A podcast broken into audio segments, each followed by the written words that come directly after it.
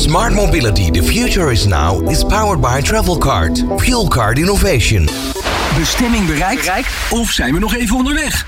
Dit is Smart Mobility met Marco Maréchal. Goedemiddag, welkom bij een nieuwe uitzending van Smart Mobility, the future is now.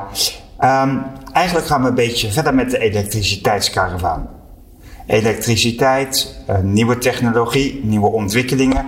Met name op het gebied van uh, oplaadpunten en laadinfrastructuur. Welke mogelijkheden zijn er eigenlijk? En hoe spelen commerciële partijen, maar zeer zeker ook een overkoepelende organisatie zoals ELAAT hier eigenlijk op in? Wat van belang is, is dat we daar meer op in gaan zetten.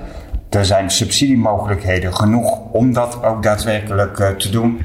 En er tenslotte ook een soort van verdienmodel achter. Dus luister mee vandaag uh, met een aantal uh, van onze gasten voor de elektriciteitskaravaan die nu even nog voortduurt en voorttrekt. Veel plezier!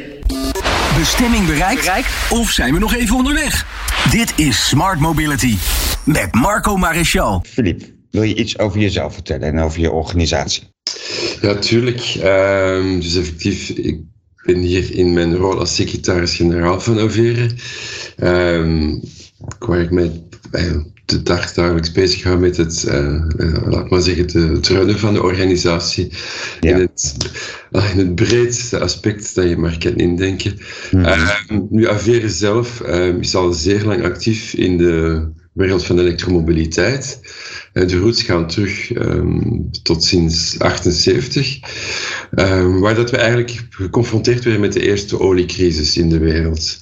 En dat heeft toen onze, onze oprichters aangezet om na te denken van welke alternatieven kunnen we bieden om het transport toch beter te doen, onafhankelijk van olie. Um, of dat ze toen al gedacht hadden in welke richting dat we vandaag uh, zouden staan, ja. um, dat weten we uiteraard niet. Maar duidelijk, um, we weten vandaag dat elektrische mobiliteit aan zich wordt aanschouwd als een alternatief om eigenlijk het uh, internal combustion engine, de ICE, zoals dat in de vaktermen wordt genoemd, te, daarom niet te bannen aan zich, maar als te zien als een alternatief om ja, toch clean, clean transport te hebben, te ja. decarboniseren. Ja, want wat voor soort organisatie is precies? Wat doe je? Wat voor soort projecten hebben jullie? Daar moet ik aan denken. Uh, wij zijn een ledenorganisatie, non-profit, dus wij hebben effectief een missie tot de decarbonisatie van transport. Uh, wij willen daar ook heel inclusief voor zijn. Uh, het mag niet zijn dat het regiogebonden is. Europa moet aanschouwd worden aan zich. En we willen gewoon eigenlijk, um, we hebben een nog heel grote focus naar de eindgebruiker. Of dat dan nu een, een auto is, of een truck of een bus, we moeten die, de gebruiker um, ertoe stimuleren dat die switch mogelijk is en dat die ook aangenaam verloopt. Dus ja. is het proces van, is het aan de voertuigkant of is het aan de laadinfrastructuurkant, mm zolang we daar maar de transitie mogelijk maken en die, de, de user experience het beste is. Ja, er is ook een overkoepelende organisatie, die heet ELAAT. Ben je er eigenlijk bekend mee met, uh, met ELAAT? Um, en zijn jullie ook actief daarbij betrokken? Uh, ik, ken, ik ken uiteraard ELAAT. Hè, en ja. Een van, de, van onze vicevoorzitters, uh, Bart de Brij, is van ELAAT. Ja. Um, hij vertegenwoordigt uh, bij ons um, het Formule E-team van, van Nederland. Ja. Dat is een organisatie die bij ons uh, lid is en Nederland vertegenwoordigt. Ja, ja. Want als je een beetje verder gaat, want uh, waar zitten jullie, zeg maar, in welk, uh, in welk land en welke landen bedien je allemaal met jullie oplossingen? Um, wij zitten in Brussel, België. Alles wat dat heeft te maken met, met Europese politiek en waar we toch heel hard aan werken, um, mee aan werken of um, mee aan sturen. Allee, dat proberen we uit, allee, proberen dat te doen, uiteraard. Daarmee zeg ik eigenlijk al heel veel. En we dus zijn heel gebonden aan de Europese Unie. Mhm. Ehm, geografisch zijn we operatief over het Europese landsgedeelte. Dus we hebben ook een lidmaatschap uit Oekraïne.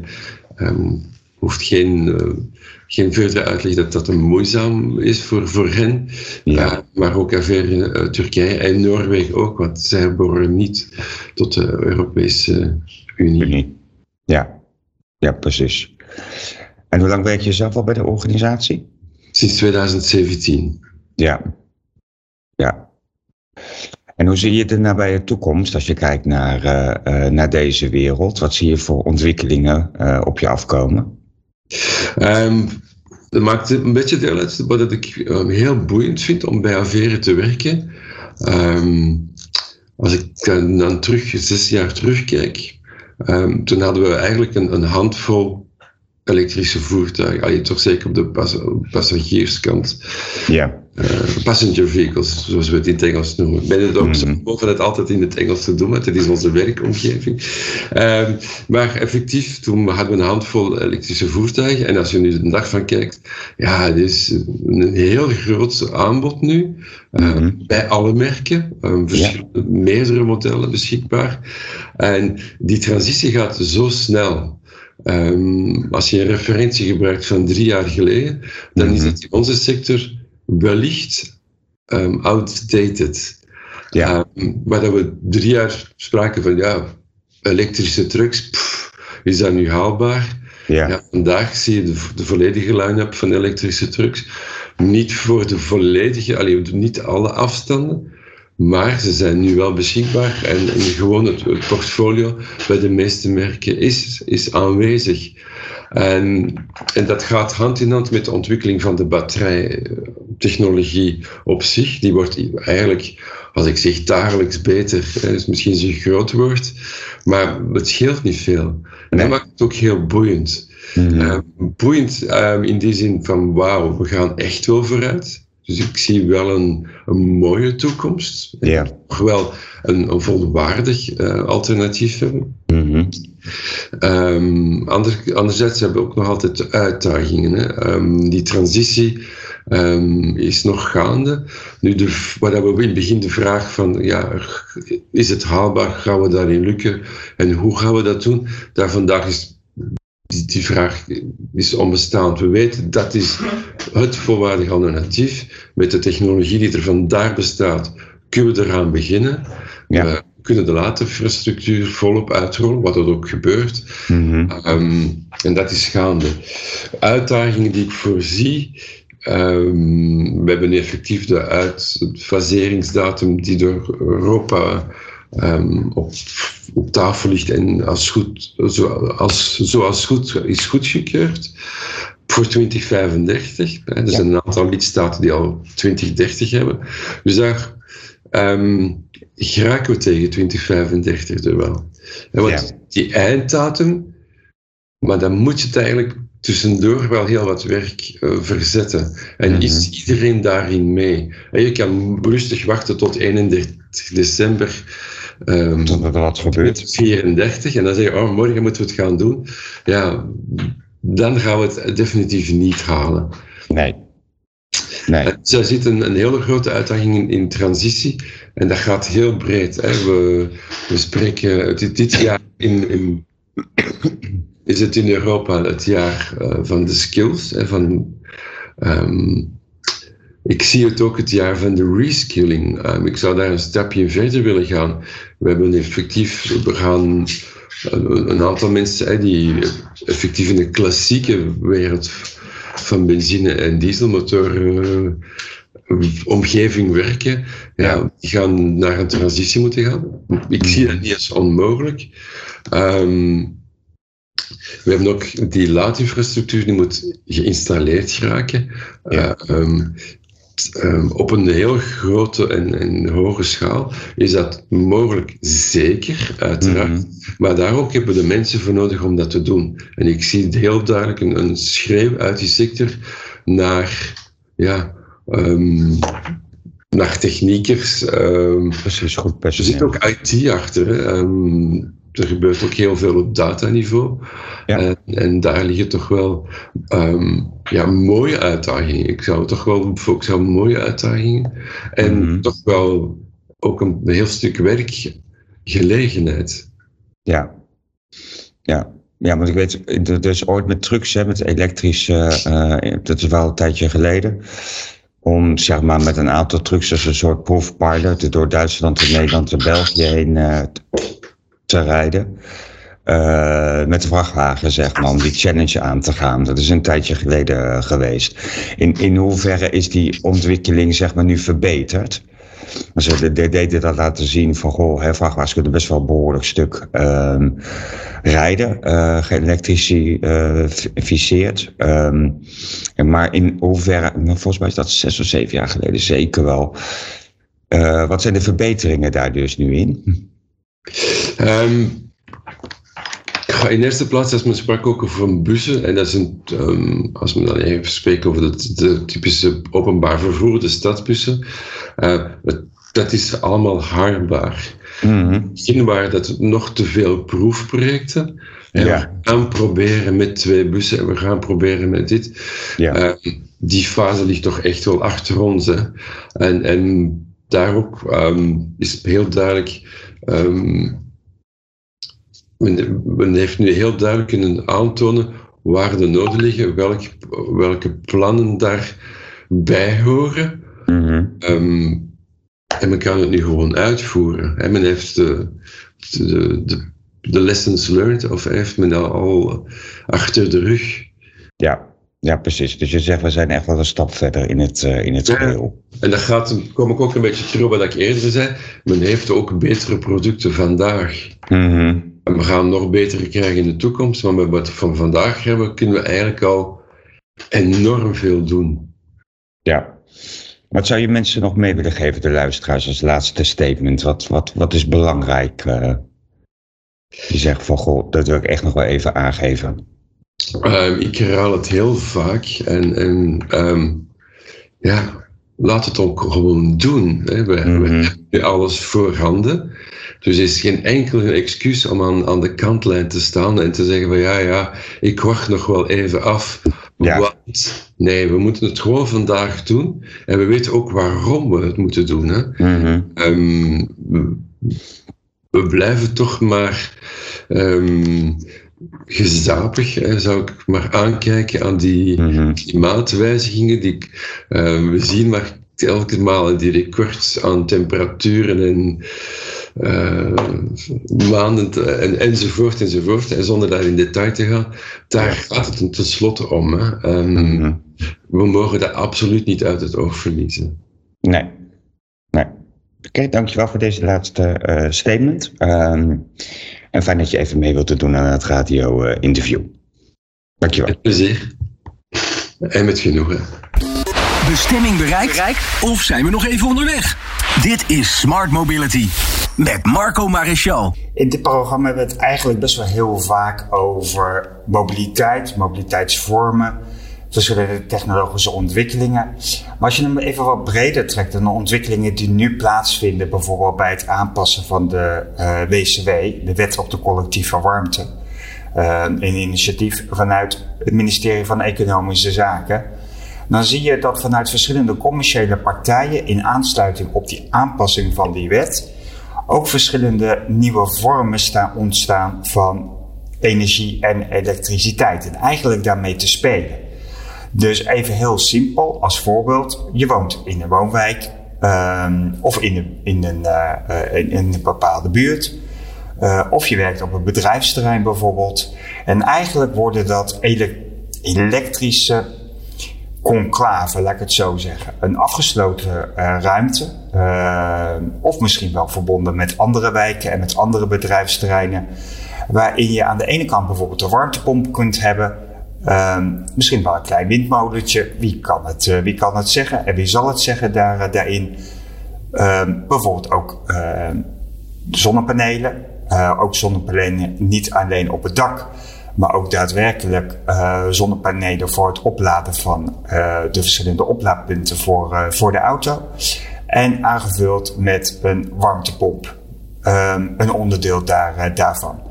En eigenlijk is het businessmodel of het aankomende businessmodel de slimme algoritme die ertussen geplaatst wordt om al die verschillende elektriciteitsopvangcentrales samen te voegen en bijvoorbeeld bij piekuren uh, behoorlijk wat energie uh, te kunnen leveren.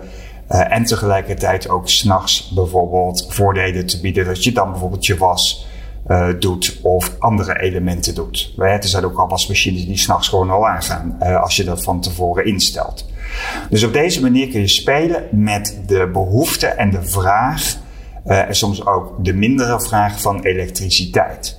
Het ontwikkelen van die slimme algoritmes wordt al door verschillende partijen gedaan om daar actief op in te zetten.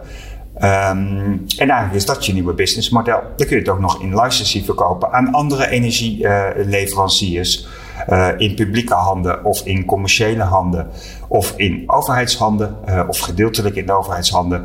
En zo ga je met elkaar naar een, eigenlijk een transformatie, een nieuwe invalshoek op het gebied van, uh, van elektriciteit. Het is eigenlijk ontzettend slim. Een overkoepelende brancheorganisatie, die heet ELAAT. Um, daar gaan we nu naar, naar luisteren, naar dat interview met Mariska. Um, en kijken wat ELAAT als branchevereniging, brancheorganisatie faciliteert voor haar leden. Maar eigenlijk ook ervoor zorgt dat transitie een stap verder gaat uh, daarin. Bestemming bereikt? bereikt? Of zijn we nog even onderweg? Dit is Smart Mobility met Marco Maréchal. Mariska, vertel eens iets over jezelf, je organisatie. Waar zijn jullie mee bezig? Welke projecten zijn er? Hoe zie je de toekomst? Kortom, introduceer jezelf. Oké, okay, um, ik ben uh, Mariska Zwijstra en ik ben project- en programmamanager Slimladen bij Stichting ELATNL. ELATNL is het kennisinstituut van de Nederlandse netbeheerders voor het uh, laden van elektrische voertuigen en dan met name hoe dat op het elektriciteitsnet past. En ik doe dat nu in een jaartje of vier met heel veel plezier. Leuk, leuk. Um, nogal een markt die in ontwikkeling is, hè? nogal uh, zeker in de huidige tijd ook. Wat voor soort projecten hebben jullie? Ja, we hebben een heel scala aan projecten. Een heel belangrijke tak van wat wij doen is het testlab. Daar ja. komen alle uh, nieuwe auto's, alle nieuwe laadpalen, maar ook softwareontwikkelaars langs om te testen of hun ontwikkelingen goed met elkaar samenwerken en of ze goede prestaties leveren op het elektriciteitsnet. Dus dat is heel belangrijk. Uh, we hebben ook een afdeling die gaat over cybersecurity. We hebben werken aan protocollen. We hebben uh, een afdeling over de netbeheerkant. Dus hoe, hoe pas je de laadpalen zo snel mogelijk in in het net? Dus ja. hoe, kun je zo efficiënt mogelijk werken? Um, en dan natuurlijk pro project- en programmamanagement. Ja, ja, precies, precies. En waar loop je tegenaan nu? Wat zijn de huidige problemen? Uh, nou, eigenlijk waar we, nu, waar we nu mee bezig zijn is vooral uh, opschaling. Dus um, wij hebben nu een, goed beeld verkregen de afgelopen jaren met het onderzoek wat we doen over uh, wat er mogelijk is op het elektriciteitsnet, hoe die auto's uh, naar tevredenheid van de netbeheerder, van de EV-rijder, van de chargepoint operators, et cetera, allemaal goed kunnen opladen. Uh, alleen het is tot nu toe heel veel in pilotomgevingen geweest kennis op te doen natuurlijk. Ja, precies. En nu gaan we de stap maken naar opschaling. Want wij uh, vinden dat uh, slim laden uh, de, de norm moet zijn. Mm -hmm. dat kan het ook zijn, alleen dat moeten we nog wel organiseren. Dus dat is eigenlijk onze uitdaging. Ja, en als je het hebt over slim laden, waar, waar moet ik aan denken? Ja, dan heb je het erover dat het laden van elektrische voertuigen aangepast wordt aan de meest gunstige tijden en de meest gunstige uh, snelheden. Uh, en dat kan gebaseerd zijn op basis van ruimte op het elektriciteitsnet, wat natuurlijk echt in onze kernactiviteit past bij ELAAT, maar ook sturen op prijsprikkels, sturen op uh, duurzame opwek. alles waarbij je het laden niet meer per se laat beginnen op het moment dat de stekker in de laadpaal gaat. Ja. Maar dat je het op een slimme manier aanpast aan de mogelijkheden die je hebt binnen de tijd dat de auto geparkeerd staat. Ja, ja. Ja, want het is natuurlijk iets anders, zeg maar. Uh, als van, van start-up naar scale-up. Uh, dat is natuurlijk ook een hele andere situatie. Uh, dus je wil ook steeds meer gaan, uh, gaan doen. Ehm, de behoefte is ook meer, de vraag is ook meer. Is een hele andere dynamiek voor jullie. Um, Ja, het is vooral zo dat er weer andere partijen bij komen kijken. Ja. Op het moment dat je een pilot eh, doet, je bent met een proef bezig, dan moet je eigenlijk lokaal afspraken maken. Mhm. eh, met eh gemeenten, met de, de, de netbeheerder in kwestie, met de laadpalenbeheerder in kwestie. Maar als je het hebt over opschalen, dan heb je ook te maken met bijvoorbeeld de wetgeving, ja. de tarievencode, de autoriteit Consumentenmarkt, die wil weten wat je precies gaat doen. Ja. Dus dat zijn andere spelers. Eh, dus op dat vlak is het anders. Ja. Ja, ja, precies. Want je hebt ook de hulp nodig van gemeentes, maar je hebt natuurlijk ook veel meer mensen nodig, zeg maar. Of met deelvervoer, dat kan natuurlijk ook. Hè. Het hoeft niet altijd in bezit te zijn, een, een, een auto. Eh, eh, elektrische auto's.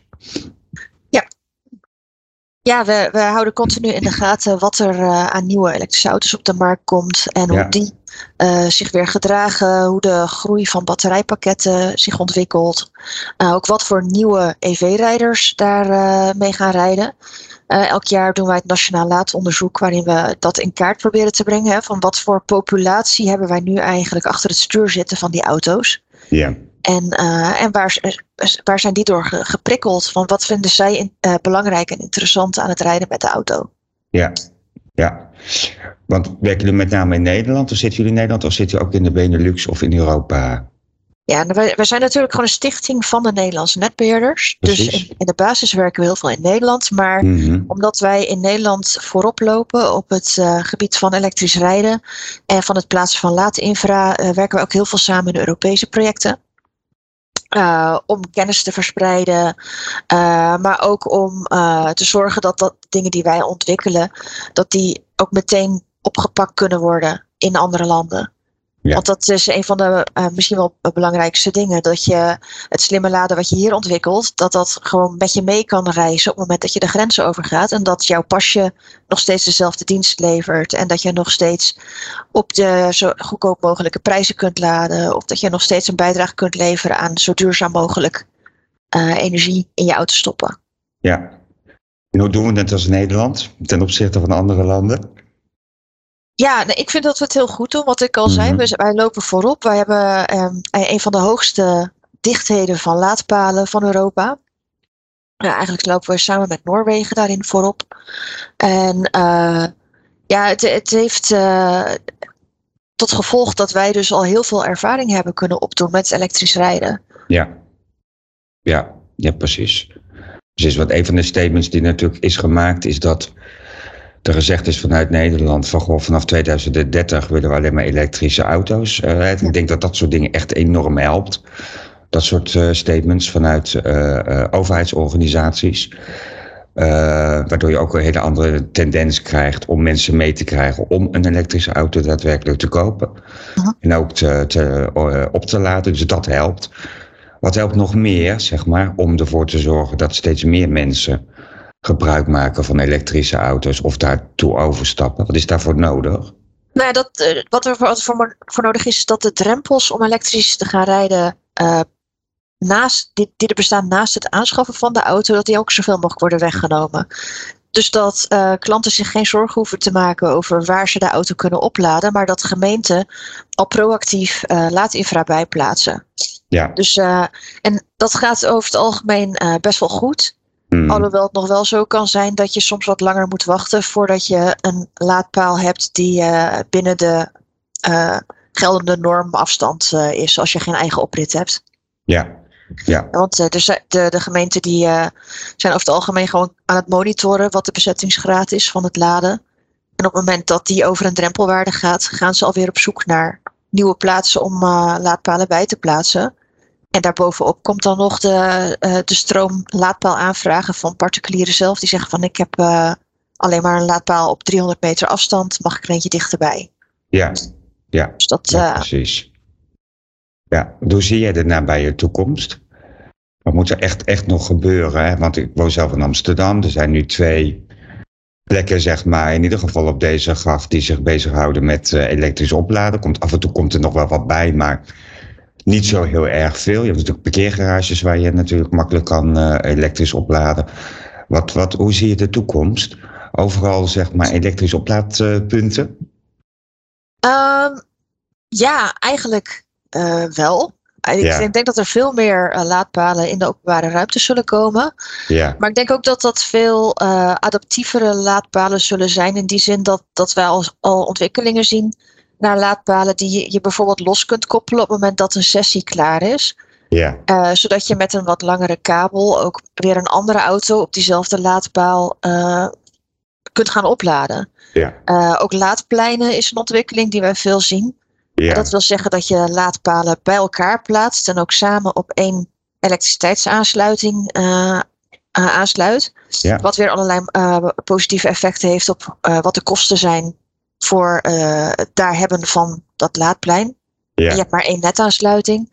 En wat ook nog weer een stukje makkelijker maakt om slim om te gaan met de stroom die al die auto's vragen.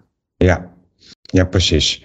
Want het is nu voor met name naar auto's, maar ik hoor ook veel over hè, dat het ook weer, eh, als er elektriciteit over is, mocht dat gebeuren, richting huizen kan gaan en op een andere manier zeg maar daarmee om eh, kan, kan gaan. Ehm, eh, dus het is, het is breder zeg maar dan alleen maar het opladen van elektrische auto's.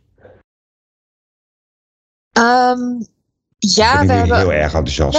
Nee, nee kijk, wij, wij zijn ook wel eh, eh, bezig met vehicle to grid. Ik denk dat je daar op doelt. ja, Ehm, vehicle to grid is een technologie waar je, waarbij je inderdaad de auto kunt gebruiken als een soort batterij.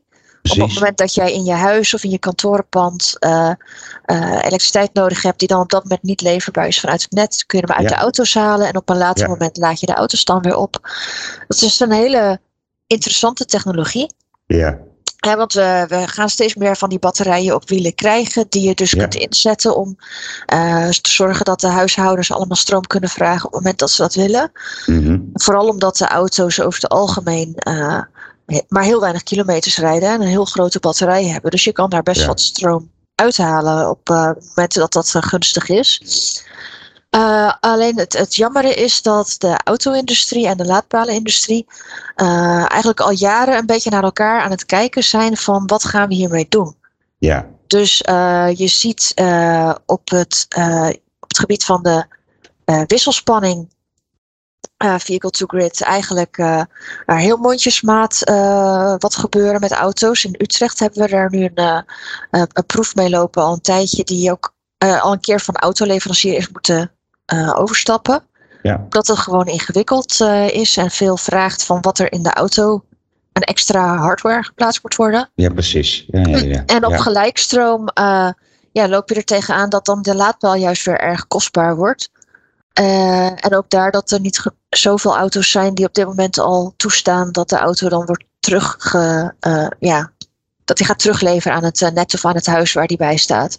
Ja. Dus dat is een- wel een beetje teleurstellend, maar Ja. daar kunnen wij vanuit de ELAAT niet zoveel in doen. Behalve dan dat we natuurlijk enthousiast blijven zeggen dat het echt wel veel potentie heeft. En dat wij er heel blij van zouden worden als daar meer auto's eh, aan deel zouden kunnen nemen. Ja, precies, precies.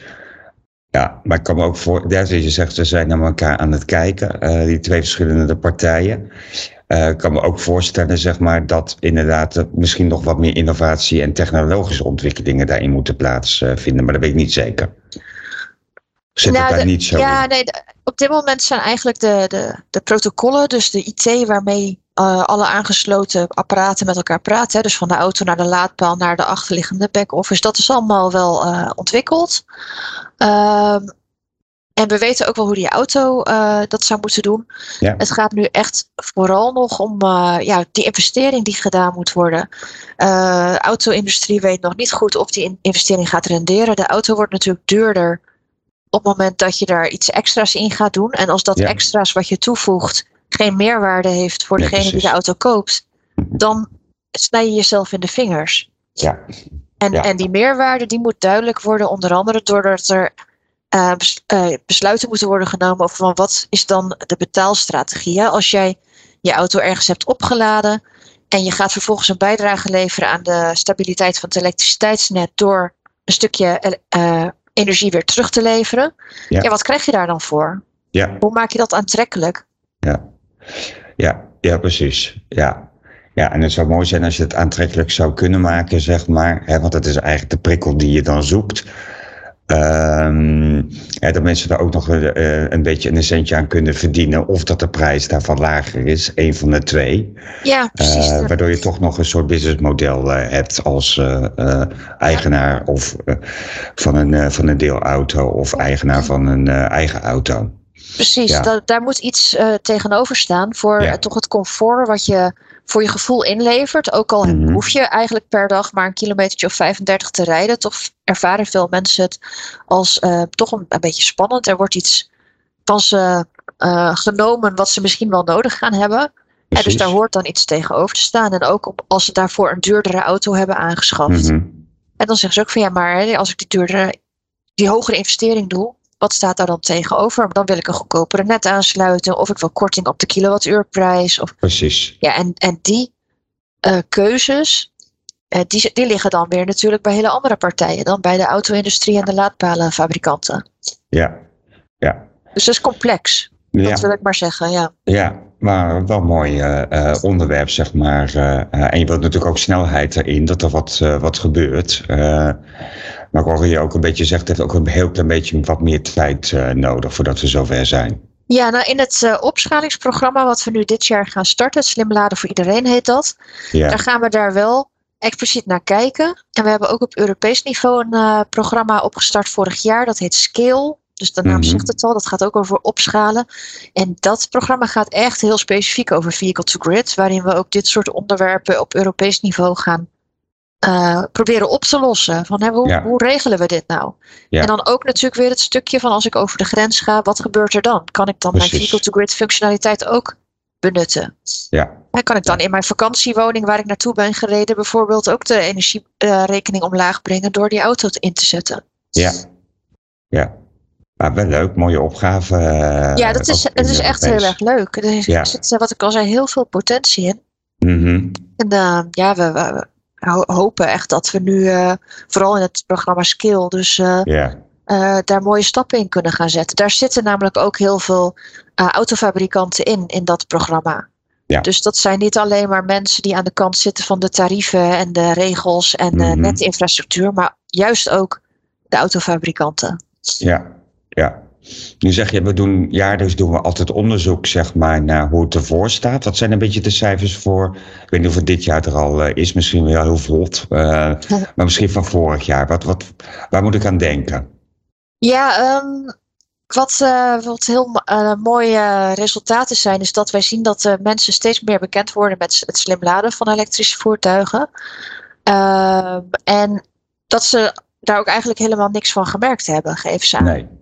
En okay. ja, dat is natuurlijk uh, een resultaat waar wij heel, heel blij mee zijn. Want ja, uh, uit de onderzoeken die we hebben gedaan, weten we dat ook wel. Dat uh, als je puur naar de getallen kijkt, van hoeveel kilowattuur is er in die auto's gegaan, mm -hmm. dan zeggen wij met een wetenschappelijke bril ook van nou, daar hebben de klanten niks van gemerkt. Nee.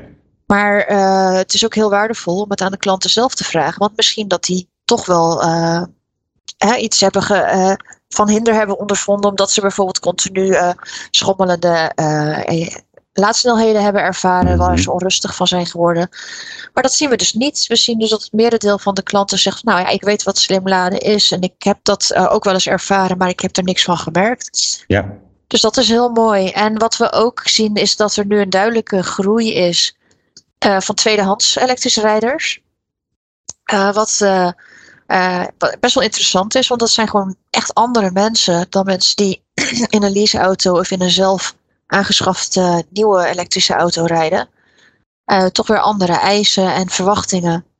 En uh, dat biedt ook weer mogelijkheden, want die zijn over het algemeen wat meer prijsbewust. Ja. Dus dat biedt ook weer mogelijkheden voor als wij een slim laden uh, model ontwikkelen om uh, de auto te laten meegaan met uh, zo laag mogelijke kilowattuurprijzen, dan is dat een groep die daar waarschijnlijk, denken wij, ja. vatbaarder voor is dan door de oorspronkelijke groep. Ja. Dus die gaan we nu ook volgend jaar, of dit jaar dus, in het nieuwe onderzoek ook weer even wat, wat extra aandacht geven. Om te kijken van nou, wat voor hypotheses hebben we en zien we daar al iets van in de respons van de klanten. Ja, ja precies. Want de batterijen en hè, voor de tweedehands uh, auto's, wat een andere doelgroep uh, is. Um, dit gaat natuurlijk over de levensduur ook van batterijen en van opladen. Zeker als je een tweedehandse koopt. Uh, heel praktisch gezien, je moet af en toe ook mijn accu vervangen uh, of mijn dynamo van mijn, mijn niet-elektrische auto. En dat geldt daarvoor natuurlijk ook. Um, dus hoe lang is de levensduur daarvan? Ja, batterijen gaan eigenlijk heel lang mee. Ja. Um, we, we, zien natuurlijk wel een stukje achteruitgang, want elke, elke batterij heeft een bepaald aantal cycli Precies. waarin je hem kan, kan opladen. Ja. Maar in de tweedehandsmarkt, dat, dat, dat was altijd uh, toen de auto's net op de markt begonnen te komen, een beetje spannend. Van wat blijft er over? Ja. Maar nu zie je echt dat de auto's na een jaartje of vier rijden, als ze op de tweedehandsmarkt komen, nog, uh, nog ruim voldoende batterijcapaciteit hebben om om de, om de tweedehandsrijder ook gewoon fatsoenlijk van A naar B te brengen. Dus dan heb je het echt nog wel over batterijcapaciteit van 90% die nog over zijn. Ja. Dus hij is wel achteruit gegaan. Er kan iets minder kilowattuur in. Dus je kan iets minder kilowatt, uh, kilometers rijden voordat je weer moet opladen. Maar alles is uh, nog echt wel acceptabel. Dus dat is heel mooi. Ja. En dat, is, dat zie je ook aan de prijzen van tweedehands elektrische auto's. Die zijn uh, nog best wel flink aan de prijs. Mm -hmm. Dat komt gewoon omdat ze kwalitatief gewoon nog prima zijn. Ja, ja, ja precies. Ja, je merkt ook een beetje vanuit de gemeentes, even een ander onderwerp, uh, dat ze zeggen van nou, we willen best uh, laadpalen neerzetten. Dan zitten we nog met een stukje bekabeling zeg maar, daar, uh, daarvan op eigen terrein of, of gewoon op de, in de openbare ruimte. Uh, en dat willen we best doen, maar we hebben gewoon geen elektriciteit op dit moment. Er is gewoon een leveranciersprobleem. Uh, ik ga zelf uit dat dat gewoon even tijdelijk is, gezien ook de situatie in de wereld. Um, maar als we steeds meer elektrische auto's krijgen, dan betekent dat ook wat voor de investeringen die gedaan moeten worden daar, uh, daarin. Kun je daar iets over vertellen? Ja, um, nou wat dus eigenlijk het mooie is van het uh, opladen van elektrische auto's, is dat je dat kunt aansturen. Ja. En uh, je kunt via alle, dus de ICT-kant uh, van het laden, dus de protocollen die wij hebben om, om commando's te sturen, kun jij auto's laten wachten op bepaalde prikkels. En je kunt daarmee ook zeggen van je moet even wachten, want er is nu wat, meer, wat weinig ruimte op het elektriciteitsnet voor jouw laadbehoeften. Ja. En dat, dat, is, dat is echt een, uh, een hele grote winstfactor van het elektrisch Mhm. rijden. Als we dat niet zouden hebben, dan zou dat scenario wat jij net schetste, van er is niet genoeg elektriciteit en dat is een probleem, uh, zou waarheid kunnen worden. Maar Ja. dat is dus in de werkelijke wereld niet aan de hand, omdat wij controle kunnen uitvoeren op het laden. Ja.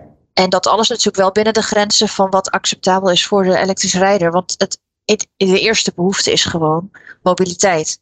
Ja. Je wilt kunnen rijden, maar de auto staat 95% van de tijd stil. En Mhm. heeft maar een uurtje, twee uurtjes nodig om zijn dagelijkse rit bij te laden.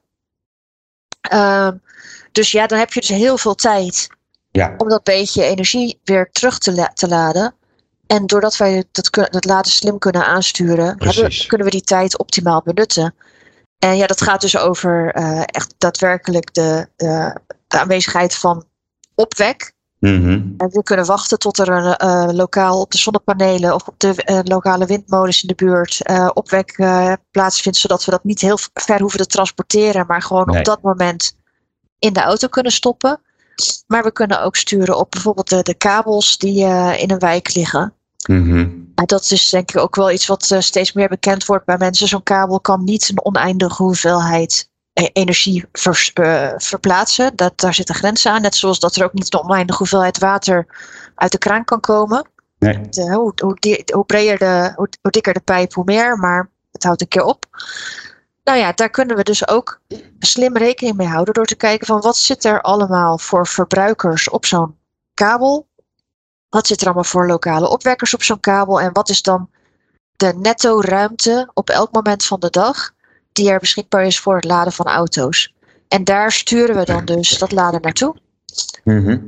En zo hoef je dus eigenlijk eh, maar zeer beperkt eh, kabels te gaan eh, verzwaren, dus dikker te gaan maken. Ja. Omdat je gewoon door het verplaatsen van die vraag naar momenten dat er plek is, al heel veel kunt bereiken. En wij zijn er ook van overtuigd, dat is ook wat we gaan doen in dat slim laden voor iedereen, dat we die lege ruimte die er is op het net gewoon heel goed zullen kunnen gaan invullen. En ehm, ja, dan uh, verdwijnen die krantenkoppen die je nu al ziet van het, het net is vol. Uh, ja. die, die zullen dan een beetje verdwijnen, omdat wij dus de grote verbruikers, de auto's, gewoon wegduwen naar uh, momenten net ietsjes later of net ietsjes eerder op de dag, waarop er, er opwek is en waarop er ruimte is op die kabel. Ja, het is eigenlijk gewoon een slim planningssysteem. Juist, dat is het eigenlijk. Want niet allemaal tegelijk willen. Je mag je auto inprikken en je kunt erop vertrouwen dat de, de, de slimmigheid die er in het systeem is ingebouwd, door al die jarenlange ervaring die wij hebben, hebben opgebouwd, uh, dat die ervoor zorgt dat die auto, als jij weer wilt gaan rijden, vol is. Ja. En, en daarbij regelen we trouwens ook wel zo belangrijk om te zeggen, ook een, uh, een mogelijkheid dat uh, elektrische rijders uh, in, in, in bijzondere gevallen kunnen aangeven van nou, ik heb nu eventjes een, een andere wens dan normaal. Ik moet nu mm -hmm. echt uh, uh, binnen een paar uur weer een flink eind rijden. Ja. Dus dan kun je de eventuele slimme aansturing, waar je anders gewoon standaard aan zou worden onderworpen, om het zo maar eens te zeggen, mm -hmm. overroelen. Ja. En dan krijg je een prioriteitsbehandeling. Ja. En dan ja ja, dat, uh, dat hebben we ook al beproefd in een uh, groot experiment in uh, Gelderland en Overijssel. Ja. Um, en nou, dat werkt technisch gezien heel goed. Ja. Als mensen daar gebruik van maken, dan krijgen ze inderdaad prioriteit en vallen ze dus even niet onder de slimme aansturing. Maar wat ook heel goed is voor ons dan om te weten, is dat, dat er eigenlijk maar heel weinig gebruik van wordt gemaakt. Die situaties, Mhm komen maar heel weinig voor dat mensen echt uh, een urgente laadvraag hebben. En daar kunnen wij dan dus ook heel goed weer rekening mee houden. En je kunt dat zelf ook weer voorspellen. Als je duizend elektrische auto's hebt in een bepaald gebied, dan weet je gewoon per kwartier echt wel van hoeveel uh, ruimte je moet reserveren voor overrules.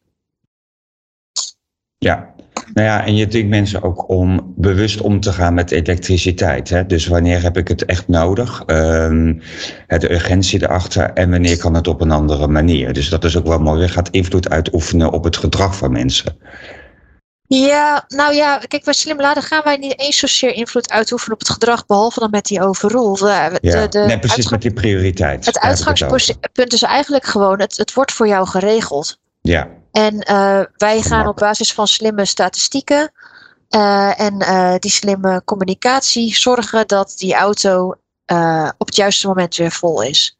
Ja. En dan natuurlijk alles gewoon rekening houden met ook de privacy-wetgeving. We gaan niet van iedereen bijhouden van, oh, dit is de auto van Marco en Marco rijdt altijd nee. zoveel kilometer. Maar je weet gewoon in bepaalde gebieden, dat zijn woongebieden, andere gebieden zijn kantorengebieden, daar hoort een bepaald gedrag bij. En op basis daarvan uh, weten we eigenlijk al genoeg om de auto's, als ze om drie uur s middags komen, uh, weer vol te laden op het moment dat die auto weer weg wil. Als die auto om zes uur s middags komt, dan hoort daar weer een ander uh, profiel bij. Ja. En zo, ja, zo gaat dat. Ja. Um, even tot, want er valt heel veel over te vertellen. Volgens mij kunnen we er nog zeker een uur door, ja. doorbabbelen.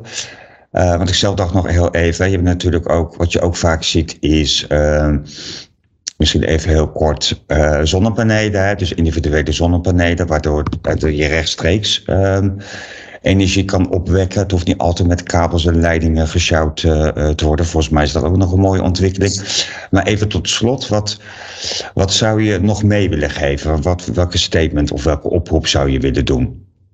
Behalve dat iedereen mee moet doen naar skill. Um, nou, ik denk dat het heel belangrijk is als je elektrisch uh, wilt gaan rijden en je gaat uh, op zoek naar een auto en naar een laadpaal, dat je dan uh, zorgt dat jouw laadpaal kan communiceren met de buitenwereld. Ja. Want als je een laadpaal koopt waar, je, waar je geen contact mee kunt leggen, dan is dat misschien op, het, op de korte termijn voordelig, maar uiteindelijk ja. is dat niet zo, want je wilt naar een systeem waarin jouw laadpaal ook kan praten met het verbruik van je huis. Zodat, uh, ook, zodat je ook op huisniveau gewoon slim gebruik kunt gaan maken van de beschikbare energie. Van de ja. goedkope prijzen, van de lokale opwek op je dak. Dus ja, koop een laadpaal die uh, uh, voorzien is van communicatieprotocollen. Dat zou mijn uh, statement zijn.